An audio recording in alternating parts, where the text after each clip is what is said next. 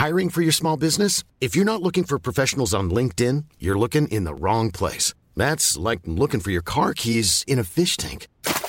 LinkedIn helps you hire professionals you can't find anywhere else, even those who aren't actively searching for a new job but might be open to the perfect role. In a given month, over 70% of LinkedIn users don't even visit other leading job sites. So start looking in the right place. With LinkedIn, you can hire professionals like a professional. Post your free job on linkedin.com/people slash people today. Many of us have those stubborn pounds that seem impossible to lose, no matter how good we eat or how hard we work out. My solution is PlushCare.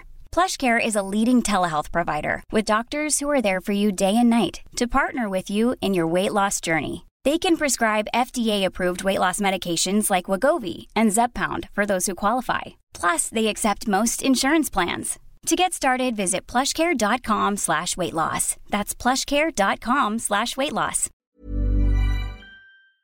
I dag blir det en eh, diskusjon om eh, Tesla Model X og hvor mye de har tapt seg. Det er interessant å se litt nærmere på. Og vi skal prate om hvilken BMW som egner seg på bane. Og der har vi begge to meget sterke følelser. Har vi ikke det, Marius? Det har vi så definitivt.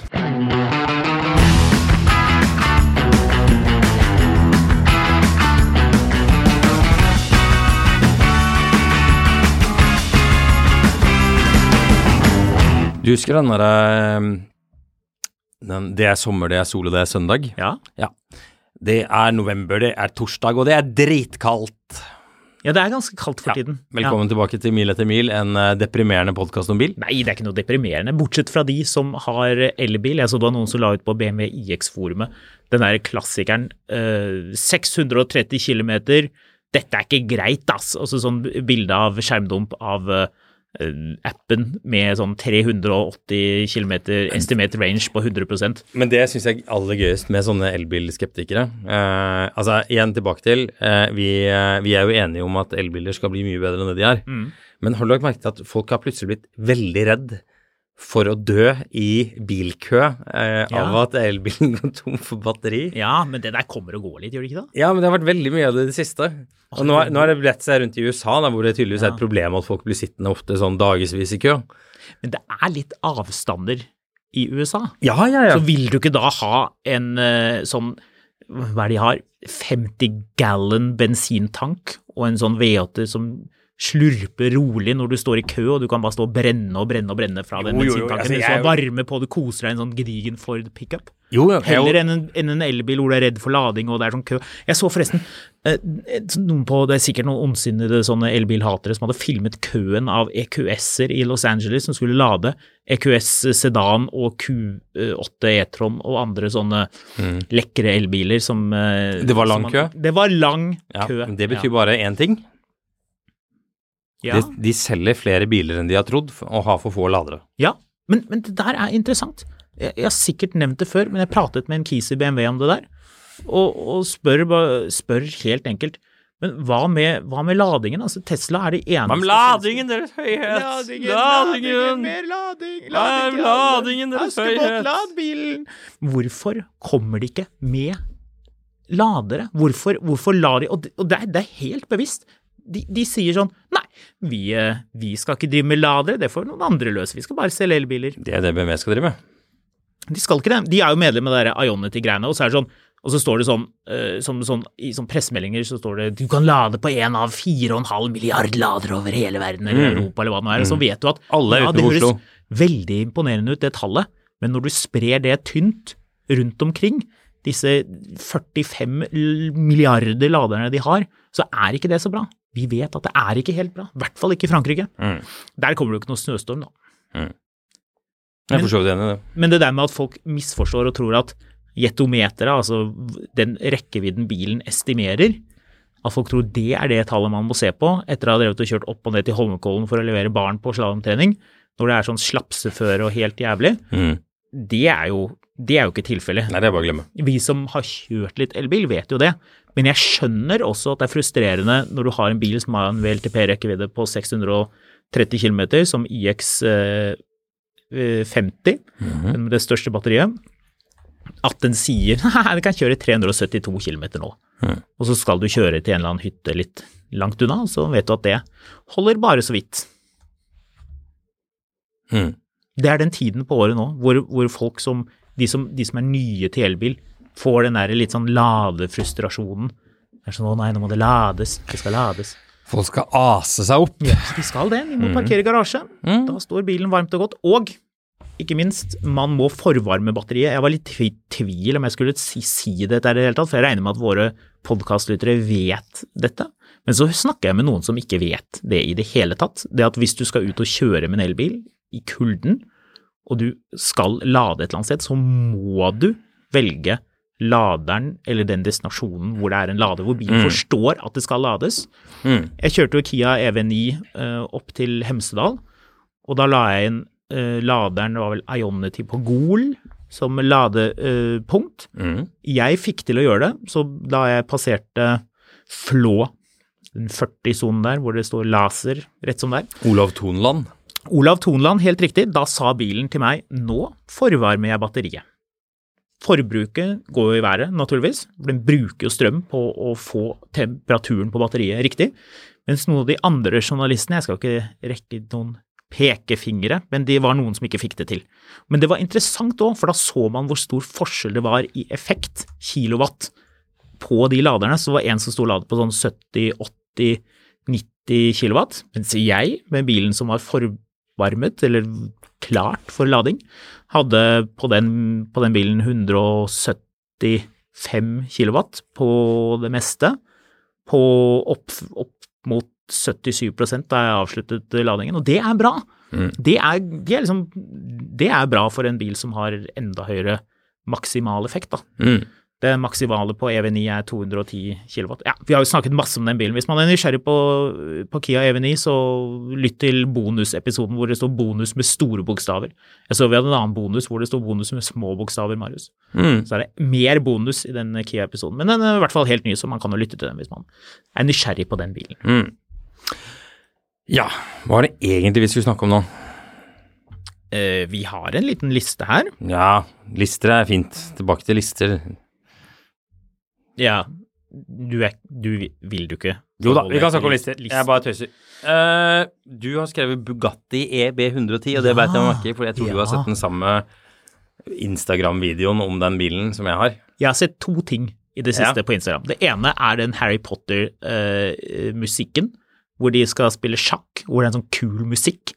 Og så nei, Ok, du har ikke sett den, whatever. Eh, De som har sett den, de vet det. De som ikke har sett den, de eh, kanskje de uh, får det inn på en eller annen måte. Hvem vet. Det er ikke så viktig. Uh, det andre jeg har sett, er en fyr som ser litt eksentrisk ut. Som har hestehale, la du merke til det? Ja. Som snakker om Bugatti E EB110. Jeg lurer på om han driver en eller annen bilforretning eller noen Han gjør det, for fordi den pitchen kom med på slutten av videoen, hvis Ja. vi har sett samme video. Ja. Det, og, det, og det er ikke bare én video, skjønner du. Jeg trykket på dette her. Jeg tok til og med og fulgte denne personen, for jeg ble veldig nysgjerrig. Men det var sånn lekre bilder, det var sånn filmet med noe proft kamera. Og så snakker han om Bugatti E EB110, som jo er den, skal vi kalle den den første moderne Bugattien? Det er vel det. Kom hun på begynnelsen av 90-tallet, 91 Mm. med en eh, V12-motor, naturligvis, som italienske, nei, unnskyld, franske biler på den tiden eh, Ja. skal ha. Og fire turboer, som gjør den til en av de kuleste bilene ever, i min bok. Og Og to bensintanker koblet til hver sin motorbank, slik at du kan i teorien gå tom for bensin på halvparten av motoren. hvem tenkte at det var en god idé? Hvem tenkte at det Fordi var en altså, god idé? til og med altså, gamle Jaguarer hadde jo en tank i hver uh, hofte, for å si det sånn. Riktig. For å, fordi det var det eneste stedet de fikk plass til den. Ja. Men de har jo en sånn changeover valve. Hvorfor har ikke Bugatti klart det? Jeg vet ikke. De trodde vel at folk klarte å holde styr på mengden bensin. Det kan jo ikke være bra for motoren hvis den går tom for bensin på den ene siden, men ikke den andre. Uh, nei, mest sannsynlig ikke. Men du kommer deg iallfall hjem, da. Ja, gjør du det? Bør du det? Altså, uh, vi la jo ut en bonus her forleden. En, en reprise, Ja. får vi kalle det. Hvor det var noen som kommenterte Dette var den Nio-episoden, ikke sant? Som vi la ut her, og som er en mors veldig morsom episode og veldig beskrivende for hvor galt ting kan gå når man er ute og kjører elbil. Og da det noen som kommenterte at jeg uh, snakket altfor mye om mønster. Og det skal jeg ikke snakke noe mer om, det er greit, vi er ferdig med det. Men jeg er ikke ferdig med å snakke om dyse. Ikke helt. Jeg ser at du kjenner deg veldig ferdig med det, men jeg tør minne på uh, det dyseeventyret mitt, hvor det var da en Volkswagen motor på fire sylindere, hvor én dyse sluttet å fungere. Og hva skjer med resten av dysene? Da Fungerer slutter bilen å gå. Da slutter bilen å gå. Den stopper ikke helt, men den kan kjøre i sånn fem kilometer i timen. Veldig upraktisk.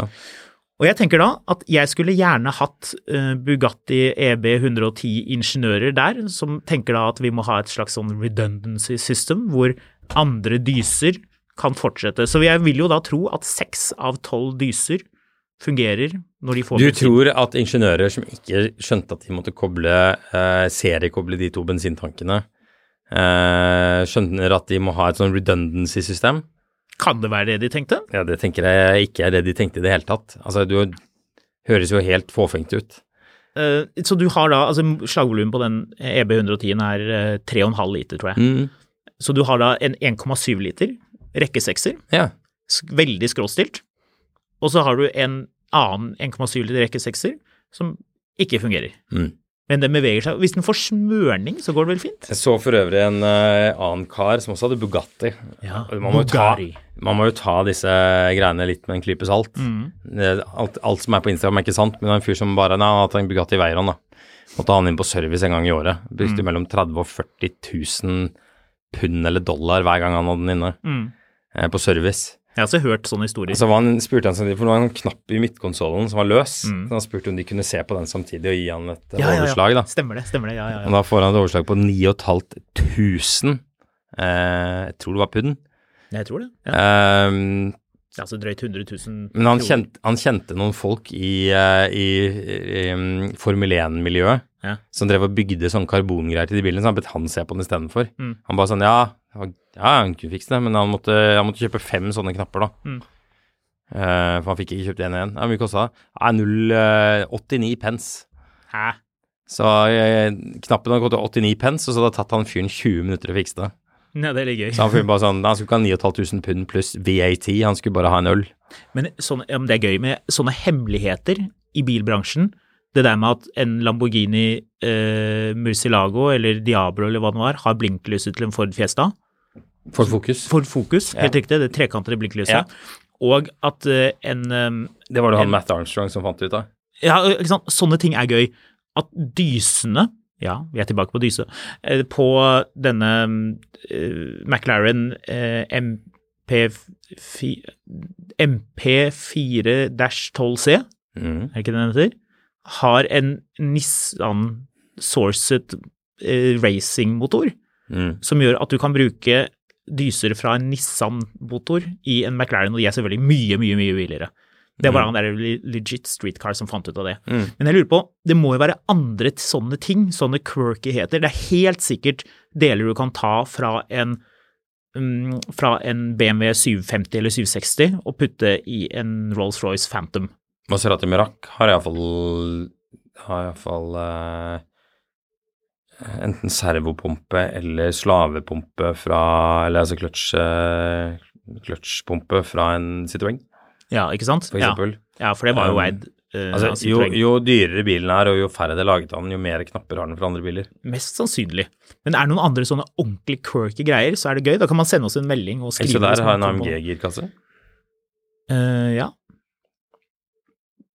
Ford GT og Ferrari 458 har vel den samme girkassen, min jeg husker. Ja. Samme som Mercedes AMG GT. Jaguar har den teite Ford-nøkkelen også.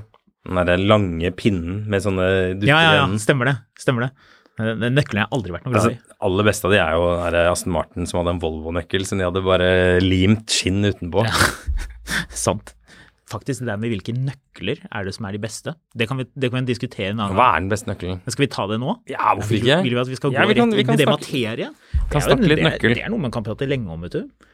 Hva er det som, hva, hvis vi definerer en dårlig nøkkel, da, bare for å ha en- baseline, mm. hva er det som er en lite tilfredsstillende nøkkel? Jeg vil ha en spesifikk en, eller hva som gjør den dårlig? Det som gjør den dårlig, er at den er for lett, tenker jeg. Det er lite substans, det er no good. For vi snakker ikke om, om hva slags action det er når du setter den inn Jeg kan si en med en gang en nøkkel som er dårlig, eh, er Discovery 3-nøkkelen. Eh, Den er ganske Fordi den er lik Ja. på L32-en og Discoveryen, men på L32-en så er bladet tjukt, Mm. og på Disco 3-en så er bladet tynt. Og du får alltid veldig følelsen av at selv om det er samme nøkkelen, at det bladet det kommer til å knekke i låsen når du vrir om nøkkelen. Mm. Eh, det føles veldig flimsy. Mm. Um, Gammel Jaguar og Ford, dårlige nøkler. Ja, Jaguar-nøkkelen er jo drituinteressant mest av alt. Den er så kjedelig i forhold til hvor dyr bilen var når den var ny. Men litt nice nøkler, da. En nøkkel som jeg må si at føltes alltid gørrkjip, for å bruke det ordet, Mm. er den E70 BMW X5-nøkkelen. mener du den lille? Jeg likte den. Den firkanta, ja, men den er så flimsy kvalitet på den. Ja, jeg, vet du hva, jeg syns ikke den var så verst, jeg. Ja, likte verre faktisk når den Er det verre eller bedre den tynne som var på 3-serien? Eh, det var samme på de to. Nei, Hvis du hadde en, 190, så er det samme. en av de hadde en tjukke, kanskje E60 jeg tenker på. Ja, men en, en kul nøkkeldetalj for de som er litt mer nerdete, da E65 7-serie kom i 2001, frem til da så hadde alle BMW-er samme nøkler, men den fikk en egen nøkkel som ingen andre BMW-er hadde. Mm. Den nøkkelen er kul. Den nøkkelen er kul fordi du kan sitte på Aker Brygge og være kaks, og så kan du legge nøkkelen på bordet, og en kjenner vil da se at dette er en 7-serie, og vite at du har noe annet. Noe ingen andre har. Mm. Men det er litt kult. Sånn har de sluttet med. Nå er nøkkel er jo vekk. Den beste nøkkelen er kanskje Tesla-nøkkelen, som er en velfungerende app, sånn at du slipper å tenke på det, Mm. hvis vi skal være helt Jeg liker å ha nøkkel. Hvorfor det? Jeg liker å ha Du har mobilen med deg overalt. Ja, men jeg liker å ha nøkkel. Det er den beste nøkkelen. Jeg Ah, liker å ha nøkkel. Tesla har den beste nøkkelen. En nøkkel jeg alltid har likt sjukt godt, vet du ikke det er? Jeg vet hvilken det er. Det er The Emotional Control Unit som du får i Aston Martin. Nei. Nei. Ehm, for det første, en nøkkel jeg alltid likte, men som jeg aldri torde å bruke, det var den derre um, Ja, den derre Display-keyen til BMW. Display-keyen som, som var konstruert slik at hvis du mistet den i bakken, så knuste den. Ja. Ja. Uh, men men den, det var lekker design på den, helt ubrukelig. Ehm, Det var, det var dårlig idé. Ja. Det var en god idé, dårlig gjennomført. Ja, sånn, de, tenk, de tenkte hm, hva er det kundene våre vil ha? Vil de ha nøkkel, eller vil de ha en kjempedårlig smarttelefon? Men en nøkkel jeg alltid har likt, er Volkswagen-nøkler fra 80-tallet. Med Volkswagen-logo Ja, inni, med, Med sånn hard gummi. Sort ikke plast. gummi rundt. Ja. Ja, men sånn hard gummi. Den er hard, og så har du Volkswagen-logo, så du kan klemme fingeren. Og så hvis du klemmer hardt på nøkkelen, så får du Volkswagen-logoen i tommelen. Ja. Gjorde du det? Ja, ja. Selvfølgelig gjorde det. Ja, det er helt Skulle til å gjøre narr av det for deg, men selvfølgelig, ja. Selvfølgelig alle som har vært borti en gammel Volkswagen. Det var sånn en lekker detalj. De var så flinke på design. Hvorfor sluttet de med de tingene der? Det kunne de komme tilbake med på, på den nye ID-bilen som de skal komme med en eller annen gang. Som Åh, jeg orker ikke snakke, jeg orker ikke snakke jeg orker ikke å snakke om ID-biler. Er. Volkswagen har så utrolig mye kult på lager som de kunne brukt til noe, men som de verste? ikke gjør det. Jeg vet hva som er den aller verste nøkkelen som noen gang er laget. Ja, få høre. Det er det derre bankkortet til uh... Ja, Renault-bankkortet. Eller tenker Ja. på Mercedes-bankkortet? For de hadde eh, begge bankkort. Var- Renault. Ja, Renault-bankkortet Renault var, var, sjukt dårlig. Ja, det var ikke noe nice. Så nice. Jeg er helt enig. Det er, det er nok tett på det dårligste. Men tilbake til Mercedes, hvis vi skal bevege oss over på starting av bil. Det å ta den sølvknappen på toppen av girspaken på S og CL og eh, Jeg lurer på om SL også hadde det? 230 SL-en? Det? Nei. Nei. Jo, ja, ja, det er noen som vet. Men iallfall CL og S Mm. Altså 220 S-klassen og 215 CL, den, de hadde sånn, sånn sølvfarget startknapp som var dritkul. Og da funket det med det kortet til. Men jo, god nøkkel, faktisk. Den, den senere generasjonen Mercedes-nøkkel, som var litt sånn, sånn hadde litt sånn kroppsfasongaktig med den firkanten ytterst. Husker du den? Mm. Eh, har du hatt en Mercedes med den nøkkelen noen gang? Du har hatt den forløperen som hadde samme firkant, men hvor nøkkelen var bare plast. Men så kom Mercedes med en sånn liten chunky nøkkel med sånn krum på sidene. Du vet hvilken jeg tenker på? Ja, jeg må bare Nå må jeg bare Nå virker du litt ukonsentrert. Hva er det du skal finne ut av jeg var langt inne i en nøkkeltankegang. Ja. Ja, eh, jeg hadde den, den forløperen, og den, Ja, den sorten. Den var også ganske nice. 210 den ser ikke bra ut. Men den er god. Ja, Ja, det, det er ekstrem kvalitet Ja, i den. er Og den derre eh, Fordi den er magnetisk når den smetter inn i låsen. Ja, ja, deilig. Den Ja. Bare fomp, og så kunne, Ja. du, så kunne du vri på nøkkelen, og så kunne du bare Du trengte ikke å gjøre noen ting, du kunne bare flikke den, og så gløde den, og starte bilen når den selv vil. Mm, Deilig. Ja, ja. Og ikke minst det der med at den, hvis du vred den, og du kunne bare slippe den, og så sprang Ja, ja, den det er det jeg mener. Ja, ja, nettopp, Men den, ja. den gløda også da, og så starta den opp. En gang i tiden, Marius, så var jo det en definisjon på om du hadde en nice bil, om du hadde elektronisk start, dvs. Si at hvis du, hvis du hørte dårlig eller du ikke fulgte med hva du drev med, startet du bilen, og så glemte du at du startet den, og så vrei du på nytt, og så gikk startmotoren på selv om motoren var i gang, og det kom en sånn ekkel lyd. Husker du det? Har du Mm. opplevd det? Hvis, den, hvis bilen ikke kunne gjøre det, da var det en bra bil. Mm. Og jeg mener at skjæringspunktet der at på E34 så kunne du det, eller var det E36 3-serie at du kunne starte startmotoren uten at, selv om motoren var i gang? Kunne ikke det på Du E39. kunne ikke det på E39, Nei. helt riktig. Ja. Jeg lurer på om du ikke kunne på E34 heller. Jeg fant ut at jeg kunne det på båten min. Det kom en spennende lyd i ett sekund til jeg skjønte hva det var som skjedde, og fikk vridd tilbake fort som bare det. Ja, jeg, men nøkler fra gammelt av var jo bare drit. Bortsett fra Volkswagen-nøklene. Ja, Volkswagen og BMW. BMW sine 80-tallsnøkler var ganske Ja, ok. De var litt kjipe. Ja, men det var, men det var god kvalitet 80-tallet. når du Ja, med E34 så ble det bedre. Audi med den, den, den som flippet opp hvis nøkkelen var litt fresh. Mm. Så flippet den sånn kjapt opp, litt som at du hadde en, en eh, sånn springkniv på det. Det var kult. Hvor gammel er Audi da? Nei, sånn A6 2000 Ja. ish. Du har hatt masse av de nøklene. De har alltid vært litt slappe når du har hatt de, hvis det er lov å si. Eller mener du husker at den ene nøkkelen jeg hadde da, var ganske ok? Ja, jeg tror det. Ja. Eh, det som er alltid irriterende, er når den ikke går helt i, helt i lås. Når du flipper den opp, Ja. og så Ja, går så den en, stopper den. Ja, det den stopper, så den blir liksom hengende som en sånn slapp fallos istedenfor. Eller ja, hvis den ikke går i lås i det hele tatt, men den bare er der, så du kan starte bilen, men det er bare, det er bare veldig ubehagelig. Mm. Eh, Golf 5-nøkkelen er bra. Det er samme greia som de er. Ja, ja, ja, jeg er enig. Jeg tror, jeg tror vi støt, var på et eller annet tidspunkt borti en, en bil Du vet den derre Det, er- det finnes sånn psykoer der ute som kjøper en bil, kjører den 100 000 km, men bruker kun den ene nøkkelen. Så du har én nøkkel som er veldig slitt og blank og fettet og ekkel, og så har du én nøkkel som aldri har vært brukt. Jeg tror vi var borti en Golf 5 hvor det var tilfellet, hvor vi satt med reservenøkkelen som var veldig smooth, ubrukt, ubesudlet, rørt av menneskehånd, og den andre var veldig brukt. Men det er ganske interessant når du satt med begge nøklene i hånden. Mm. Du vet hva jeg tenker på? Mm. Det fins folk som holder på sånn. Det er rart. Uh, en annen nøkkel som jeg um, prøvde å tenke at jeg likte um, Jeg liker den opprinnelige mininøkkelen. Ja, den, den avrunde BMW-nøkkelen, den er fin. Det, det, er veldig, det er veldig sånn BMW-tenningslås og sånn, og det, det er sånn kontante knapper som låser opp igjen bilen. Ja, men vi må skille mellom tenningslås og nøkkel. Det Ja, er ikke det samme. Men jeg liker den nøkkelen. Men jeg liker ikke den derre første Altså R56-nøkkelen.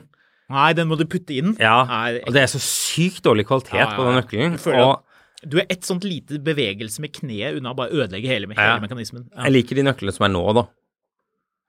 Ja, det er en, det er en større variant av den samme nøkkelen, men Ja, den bare føles mye bedre. ok, ja. Uh, så er det en, det er en, en eller annen sånn litt sånn svær, klumpete nøkkel som jeg syns er litt fett. Jeg har kjørt Ford har alltid kjipe nøkler. Ja, Ford har alltid kjipe nøkler. Ja, det stemmer. Det har de nå også, dessverre. Eh, jeg har kjørt litt Rolls-Royce. Rolls-Royce. Har du huske. kjørt litt Rolls-Royce? Jeg har kjørt litt, men det var i America, da. Mm. At de kjørte på lansering av Cullinan. Og jeg vet nå at jeg burde tenkt på hvordan var nøkkelen. Men i og med at jeg ikke helt husker det, så antar jeg at det ikke var så spesielt. Bugatti-nøklene er litt grimme. Er de det? Nei, Bentley-nøklene. Ja. Bentley-nøklene. Ja, de Ja, er dessverre de er ostentatious. ostentatious. Ja, Eh, de, men de har ikke den derre substansen. Der kunne de gjort det litt bedre. ja. Eh, mens uh, en nøkkel som jeg heller ikke er spesielt fan av, er moderne Porsche-nøkler. Den er lille bilen. Jo, det liker jeg. Den Nei. lille bilen. Ja, jeg det, liker den, jeg. nei, det blir litt for lite subtilt for min del. Men så du, det var jo en gøy ting de gjorde med, med første generasjon Cayenne. Husker du den nøkkelen? Som hadde de små lysene foran. Ja. Det var egentlig ganske søtt. Det, det er det nærmeste man kommer tysk humor, tror jeg. Ja. Det, men men De var alle blir litt ukomfortable av tysk humor. Ja, litt. Ja, Så- Man blir litt redde. Men liker du ikke Porsche-nøkkelen som er nå? Å, den liker jeg. synes jeg sma- snasen. det, En ting, altså. som, en ting som faktisk irriterer meg litt. Eh, nå, nå kunne vi jo begynt å snakke om nøkkelring, for det er jo interessant. Men da Mhm. stjeler vi jo temaet til eh, Collecting Cars podcast, for de snakket i en halvtime om nøkkelringer. Men ok, litt grann innpå det. Porsche har jo en nøkkelring som jeg vil si er en fullkommen nøkkelring. Mhm. som er da Porsche Cresten med en skinndott eh, bak. Eller du kan si at Porsche Cresten er ganske stor, men montert på en skinndott. Eh, det er, eh, det er en glimrende nøk nøkkel. Nøkkelring. Men toppen av den skinndotten fester på en ring. mm. Og den toppen blir for fort slitt. Mm. Alle pressebilene til Porsche har jo en sånn nøkkelring, og du får det i masse kule farger. Så jeg har sittet og tenkt og drømt hvilken farge ville jeg hatt. Ville jeg hatt fargen til bilen? Neppe. Jeg ville hatt en annen farge, kanskje noen kontrastgreier. Så hvis du har en skikkelig sånn heftig blåfarge på, på bilen, så kanskje du vil ha en rød nøkkelring eller hva det er. Et eller annet som passer, som er sånn passelig smakløst, for det, let's face it, det må det jo være. Men det blir for, for fort slitt, og det irriterer meg at ikke noen hos Porsche har tenkt nei, nå må vi skjerpe oss på nøkkelring her. Og den er sikkert dritdyr også hvis du skal kjøpe den. Det Vet du, hvilke, vet du hvilken nøkkel jeg ikke syns er så overveldende i forhold til hvor dyr bilen er? Fortell. Range Rover. Å ja? Det føles litt som en litt fancy fjernkontroll og ikke noe annet. Den, den er litt sjelløs. På de nye? Ja. Ja. Jeg oh, jeg er enig. Litt sånn mm. Ja. Det, det kunne vært bedre. Nøkkelring, da? Har du noen nøkkelringfølelser på det? Nei, nøkkelringer, det må vi snakke om senere. Ja, ok, vi tar det som egen. Ja. Du, vi må, nå har vi snakka for lenge om nøkler. Cool fact a crocodile can't stick out its tongue. Also, you can get health insurance for a month or just under a year in some states. United Healthcare short term insurance plans, underwritten by Golden Rule Insurance Company, offer flexible, budget friendly coverage for you. Learn more at uh1.com. Many of us have those stubborn pounds that seem impossible to lose, no matter how good we eat or how hard we work out. My solution is PlushCare. PlushCare is a leading telehealth provider with doctors who are there for you day and night to partner with you in your weight loss journey. They can prescribe FDA-approved weight loss medications like Wagovi and Zepbound for those who qualify. Plus, they accept most insurance plans. To get started, visit plushcare.com slash weight loss. That's plushcare.com slash weight loss.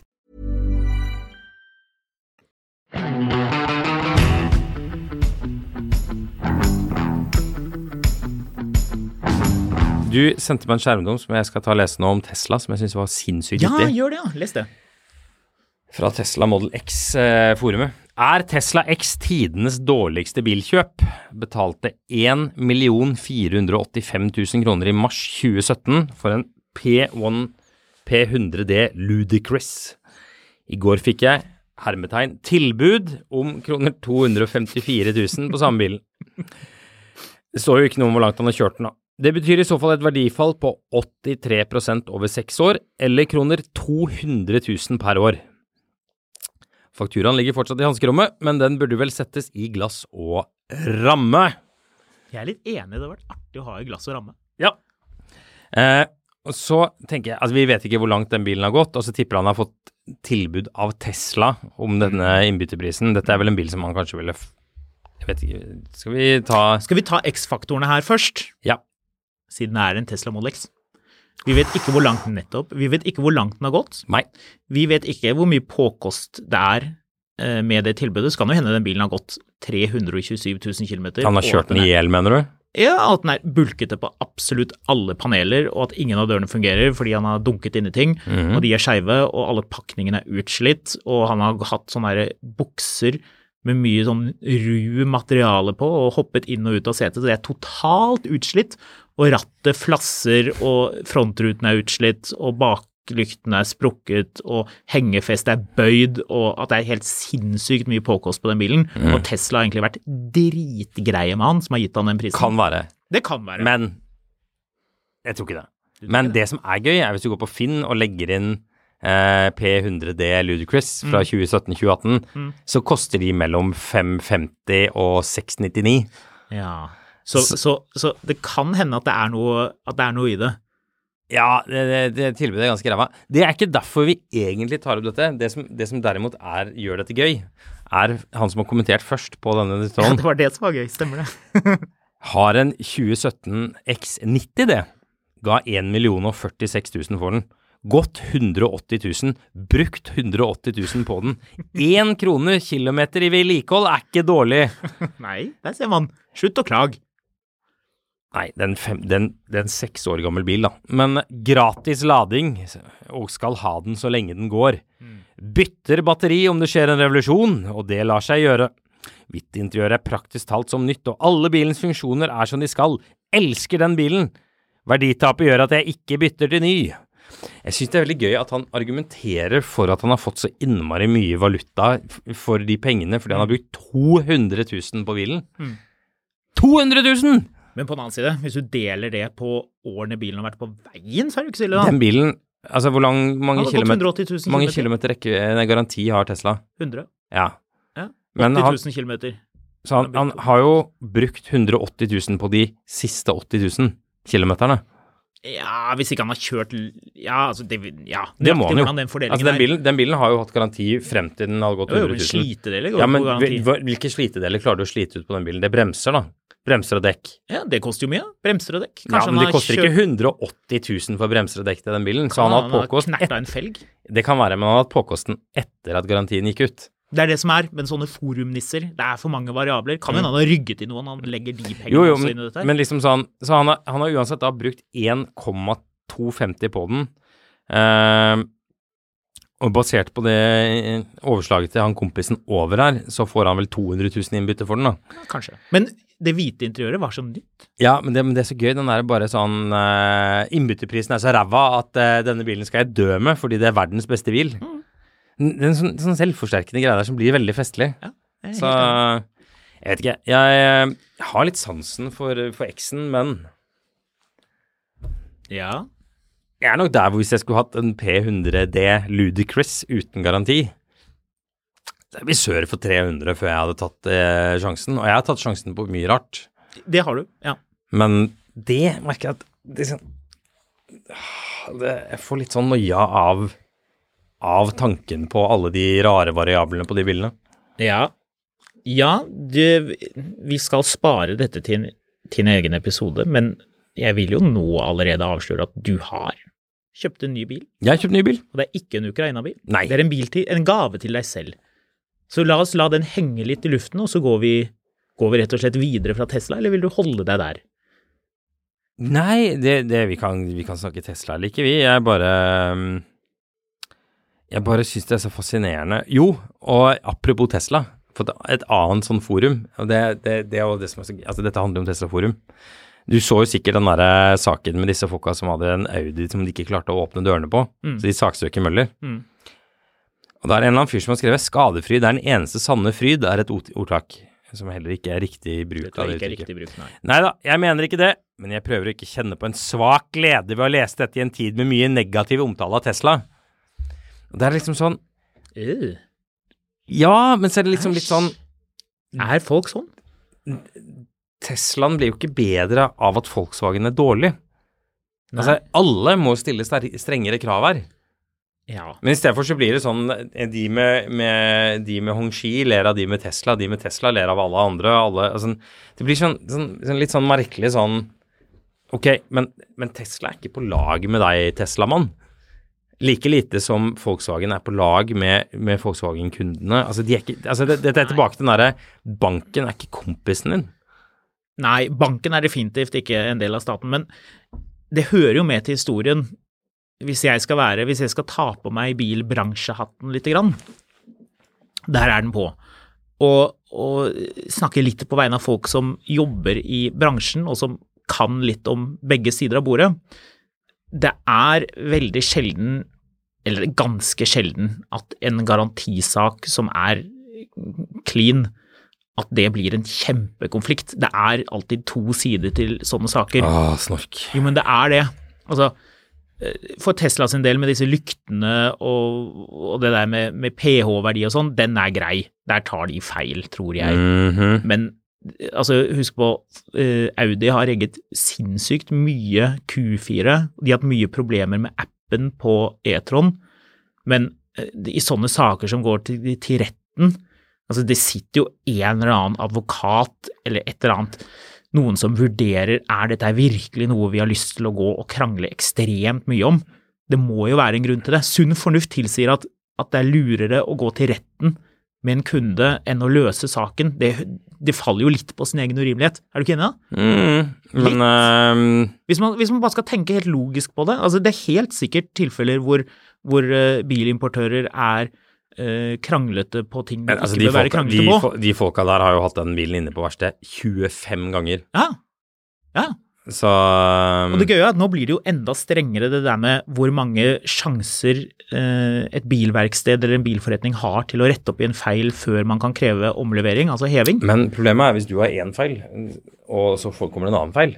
Ja. Da er det nye treforsøk, eller hva det er for noe. Ja da, det er det. Og det skal være ganske, det skal være litt sånn småkritisk, disse sakene, for at man skal kreve heving. Så det der er ikke helt rett frem. Men i, både for Teslas del, med noen av de søksmålene de har hatt, og sånn, sånn krangling, og også med, med Møller som importerer Skoda og Volkswagen og Audi, at, at når man lar det gå så langt altså, Jeg sier ikke at de har rett eller de har rett, men at det er noe mer her som vi ikke vet. Mm. Det kan hende. Man må holde døren bitte lite grann åpen for det, tenker Kanskje. jeg. Kanskje. Kanskje. Muligens. Vi vet ikke. Apropos, så blir det Tesla går til søksmål mot den svenske stat. Ja, det gjør det, ja. Mm, det ser jo lekkert ut. Ja, det var nok smart, det. Ja, De, lurt eh, det. de får vel ikke registrert biler i Sverige for tiden pga. streiken, så nå Det skal de vel sympatistreikes litt andre steder også, skal det? Yes, så nå Det her kommer til å bli Det ganske kronglete, der. Ja. Sverige er, er de ikke ganske sosialdemokratiske der, da? De liker sine unions. Svenske Transportstyrelsen som blir saksøkt av, av Tesla. Årsaken skal være at selskapet ikke får tilgang til registreringsskiltet for nye biler. Gøy. ja, ja. Eller interessant, Det er spennende. får vi vel si. Vi får se Ja. hvordan dette går. Ja, vi vi håper jo at eh, folk som jobber for eh, Tesla, får eh, betalt like godt som alle andre som jobber i bransjen. La, la oss håpe på det. Ja. Vi eh, tasser Skal jeg fortelle hva jeg har kjøpt for noe? Nei, men Skal vi ikke spare det til en annen episode? Vi kan ikke brenne opp alt det gøye kruttet med en gang. Fortalte vi ikke det, Sa ikke vi i forrige episode vi skulle si det i denne episoden? Nei, jeg sa det nå for noen minutter siden at vi ikke skulle si det i denne episoden. Ja, ok. Jeg bare skulle friste med det. Ja, men det er greit. Ja, det er bra. Da hører du på meg. Og så går vi videre til et eh, innspill fra en lytter. Skal jeg lese, eller skal du lese? Du kan lese. Jeg kan lese det. Um, hei. Jeg lurte på om du har noen formening om valg av søndagsbil som vil bli brukt litt aktivt på bane. Så billig som mulig. Ikke så billig som mulig. Neste spørsmål. Å, har du prøvd å svare på det, ja? Ja. Nei, nei, nei, for det er mer her, skjønner du. Det er, um, det er alternativ 1 kolon. 190 335i LCI, det betyr jo da Uh, Life Cycle Impulse. Facelift, som det også. Facelift, ja. Uten iDrive synes en så gammel bil har utdatert infotainment-system. Viktig å få med.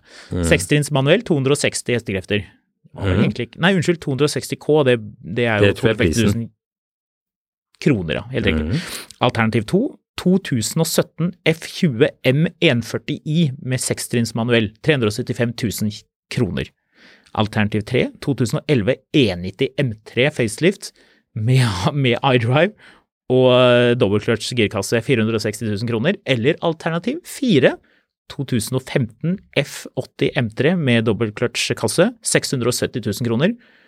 Eh, får manuellkasse i samme pris, skriver han her. Hva skal man velge? Dette er jo et gøy spørsmål. Det er sånne ting man kan sitte og tenke lenge på. Ja, Altså, hvis vi skal ha den gode forbrukerhatten på Det skal vi ikke. Nei. Nei, men da er det jo bare å kjøpe den eh, M3-en, da. Jeg har kjørt uh, alle disse bilene, Mm. og som uh, biljournalist, og som har vært en god del hos BMW og sett på disse bilene uh, på bukk med sånne gamle ulker i BMW som har pekt på stag og forsterkninger og ting. Jeg tror faktisk ikke jeg har kjørt E90 335, eh, men jeg har kjørt alle de andre. Ja. Så vil jeg si, etter å ha pønsket litt grann på, på disse fire alternativene, at jeg ville valgt vekk, hvis vi begynner der, eh, 335i, fordi det er ikke en M-bil. Den er ikke ment å kjøre på bane. Du kan sikkert gjøre det litt, og den vil sikkert tåle det ganske greit, men det er ganske store forskjeller på en ekte M-bil og en eh, sånn BMW med en Det er bare to av disse kraftig som er ekte M-biler, da. Det er helt riktig, og derfor eh, vil jeg si at man kan også kutte ut M140, men det er jo den minste bilen her, og den letteste. Og Det betyr jo mindre slitasje, lettere bil på banen, gøyere kanskje. Det er en utrolig morsom bil. Hva er det den har? 326 hestekrefter, eller 340, et eller annet sånt? 3 liter 340, eh, turbomotor, sekssylindret. Og de M-performance-bilene, de er litt mer sånn baneaktige. Mm. Da det, var, da det var lansering av den 3-serien som nå er facelift, eh, vi var i Portugal og kjørte sedanen, og da kjørte vi M340i på bane der, og det funket kjempebra. Det var overraskende morsomt å dure rundt med, for det er jo ikke en ekte M-bil. Den står jo ikke i den listen her, da. Men ok, så eh, jeg holder faktisk et lit, en liten knapp på 2017 eh, F20 M eh, 140i med sekstrinnsmanuell. Den er ikke så veldig dyr, 375 000 kroner. Og det er den nyeste bilen her. Og det er jo også et poeng. Ja, jeg uh, syns dette er veldig gøy, fordi du har gått eh, diametralt motsatt vei av meg. Mhm. Jeg eh, Hvor mange hestekrefter har 35 igjen? 335 har vel 306 hestekrefter. Eller kanskje faceliften har litt mer. Det var vel en IS-versjon av den som kanskje hadde litt mer. Jeg husker ikke, men det er noe rundt der. Originalen eh, hadde 306 hestekrefter. Ja, altså, problemet for min del er at eh, 330 Altså, banekjøring, det sliter noe sinnssykt på en bil. Ja, Så du vil ha en bil som er så kapabel som mulig, at foringer, subframe Ja, men du sliter på det likevel. Jo, jo, men at, at det er laget for det. Husk på at en, hvis du tar en M3 mot en vanlig 3-serie, hvis du skal kalle det en 335 en vanlig, så er jo M3-en har mye mer aktiv kjøling, mye mer aggressiv uh, oljekjøler. Ja, det er et godt poeng. Diffen er, har egne kjøleribber. Altså, det der er, det er så forskjellig. Altså, man tror det ikke når man, når man ser de bilene fra utsiden, men de har gjort masse med kjøling.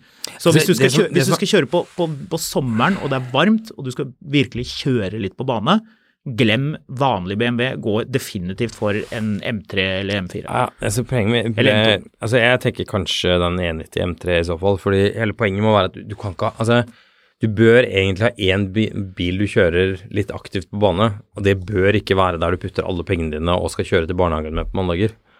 Ja, men Det er jo hele poenget med bilen, at du kan gjøre det. Ja, jeg vet det, men, men du, du Altså, du sliter noe sinnssykt på en bil med banekjøring, liksom. Du sliter en god del på en bil, men hvis du kan å skru, så kan du jo liksom bytte til, til enda stivere foringer. Ja, men da kjøper du ikke en F80 M3. og- Eh, jo, det kan du jo. Det blir en gammel bil, ja. Ja. uh, men det, men det, det, det, dette er høyst Dette er veldig, synes jeg, et superinteressant spørsmål, fordi det går veldig på Mm. hva er det bilen er ment for, hva er det man, eh, man skal bruke den til. 190 ser fortsatt sjukt bra ut. Den ser knallbra ut. Facelift, vel å merke. Ja. Den ser ut som en bøtte med bæsj, den der eh, Det hører med til historien at den 4-literen i E90-en, S65-motoren, Mm. den sliter på lageret inni motoren, så de må kikkes på og byttes, men det vet han sikkert. Det er bare Mm. å google det. Alle vet det, at det, det er noe som må ordnes. Det som er kult med den, er jo, det er jo den eneste her som er selvpustende. Så den har jo maksimalt turtall 8250 omdreininger. Så det er en utrolig kul bil, Mm. og antageligvis den bilen som vil holde seg best i verdi fremover, tror jeg. mm. Så kanskje det, kanskje det er den man skal ta? Hmm. Hmm. 460 000 kroner. Ja, en E E91 335 i manuell. Mm. Uh, E91, det er turingen, det. Det Mm. kan det ikke være. 335 i 335i, ja. Ja. Ja. 390, Men den er vi allerede enige om at vi ser vekk fra. Jo, men jeg bare fikk lyst på den. Den koster 275 000. Ja, for du skal ikke kjøre på bane. Nei, jeg skal ikke kjøpe noen bane, skal ikke med min egen bane. bil. Nei, aldri min egen bil. Det er jo et lite poeng, da. Hvis du, hvis du ikke er kjempeinteressert i å kjøre på bane, men du vil kjøre litt på bane, gå og lei en sånn Porsche 718 på Rudskogen. Mm. Ja, veldig. De Porschene på Rudskogen er helt konge. Det koster 10 000 kroner. Ja, ja, men det Men- koster 10 000 kroner å kjøre din egen bil der også. Ja, altså, Så- spørs litt hvor mye du Men du får kjørt ganske mye for de 10 000, eller hva det nå koster, da, cirka det. Men da får du i hvert fall en bil som er rigget for bane med ordentlig sete, hvor du stropper deg fast med sånn seks- sekspunktsele, og de er ordentlig morsomme, de bilene. Vi har jo gjort det. Vi har jo ingenting med Rudskogen å gjøre sånn sett, så jeg føler meg eh, veldig komfortabel med å si at eh, det er spesielt for folk som ikke har kjørt på bane i noe særlig grad tidligere, Mm. og som har lyst på den følelsen av å sitte i en bil som bråker og lager lyd, og som går eh, fort, 300 hestekrefter. Mm. Det er skikkelig morsomt. Så det er for så vidt et alternativ til de som lytter og tenker hm, dette er gøy, men jeg tror ikke jeg gidder å kjøpe en gammel BMW og holde på med det der. Mm. Um, vi begynner å nærme oss reisens slutt. Hæ? Allerede? Mhm. Tiden flyr når man har det gøy, vet du. Ja. Um, jeg uh, har i morgen, uten å tease for mye uh, Ikke i morgen, morgendagens episode, men du og jeg skal ut og kjøre pickup i morgen. Ja, stemmer det. Mhm. Det skal vi. Og jeg vet allerede at du har kjørt pickup noen dager, så jeg har uh, tenkt at du har, er jo keen nå på å kjøpe pickup. Jeg er det. Eh, så jeg har funnet pickup til deg. Ja. Dette er av uh, utstyrsvarianten California. Oh. Mm. Eller eh, Er det, er det tysk pickup? Nei. Å nei, bra. Ehm, dette er amerikansk-ish pickup. Meksikansk produsert? Eh, det er, jeg har ikke peiling. Eh, vurderes solgt pga. plassmangel. Sjeldent bra til disse å være. Importert fra hvilke, hvilke land tenker du på når du skal importere entusiastbil? Det, det er ett land man tenker på. Ja. Det er det store landet. Ja, det er Polen. Ja, naturligvis.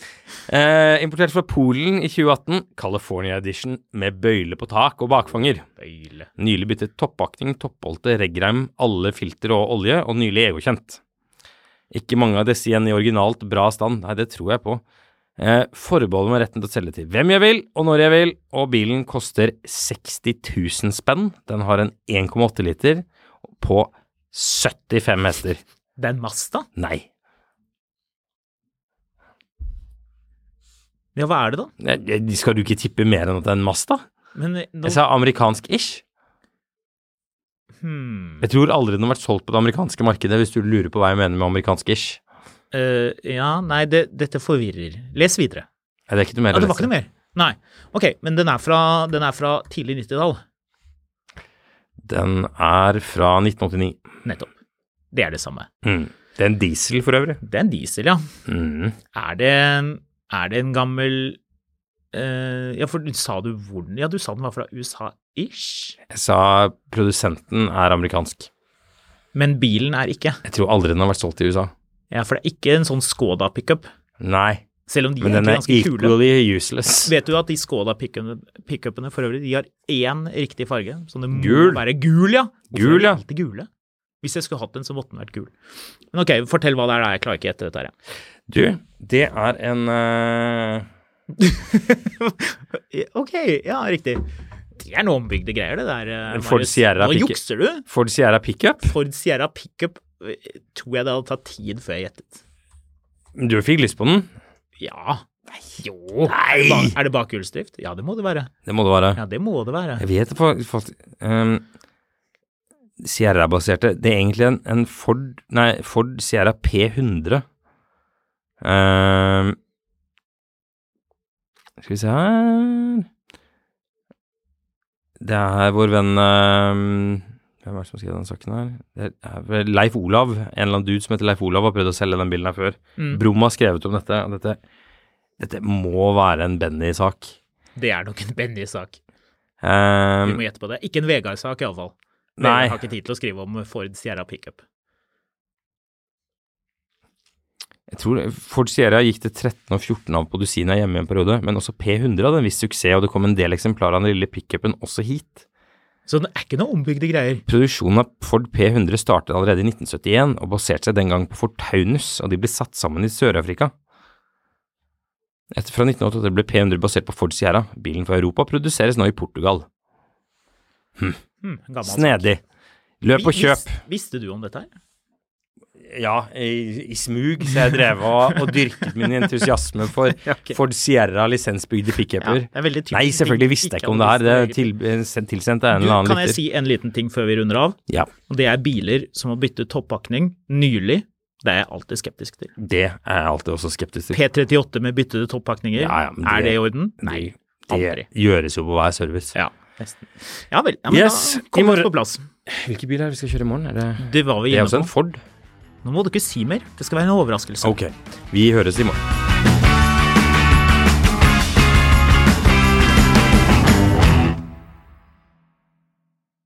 Mil etter mil, en podkast om bil, er en podkast fra Finansavisen. Programledere er Håkon Sæbø og David Kordal Andersen. Produsent er Lars Brenden Skram. Og ansvarlig redaktør er Trygve Hegnar.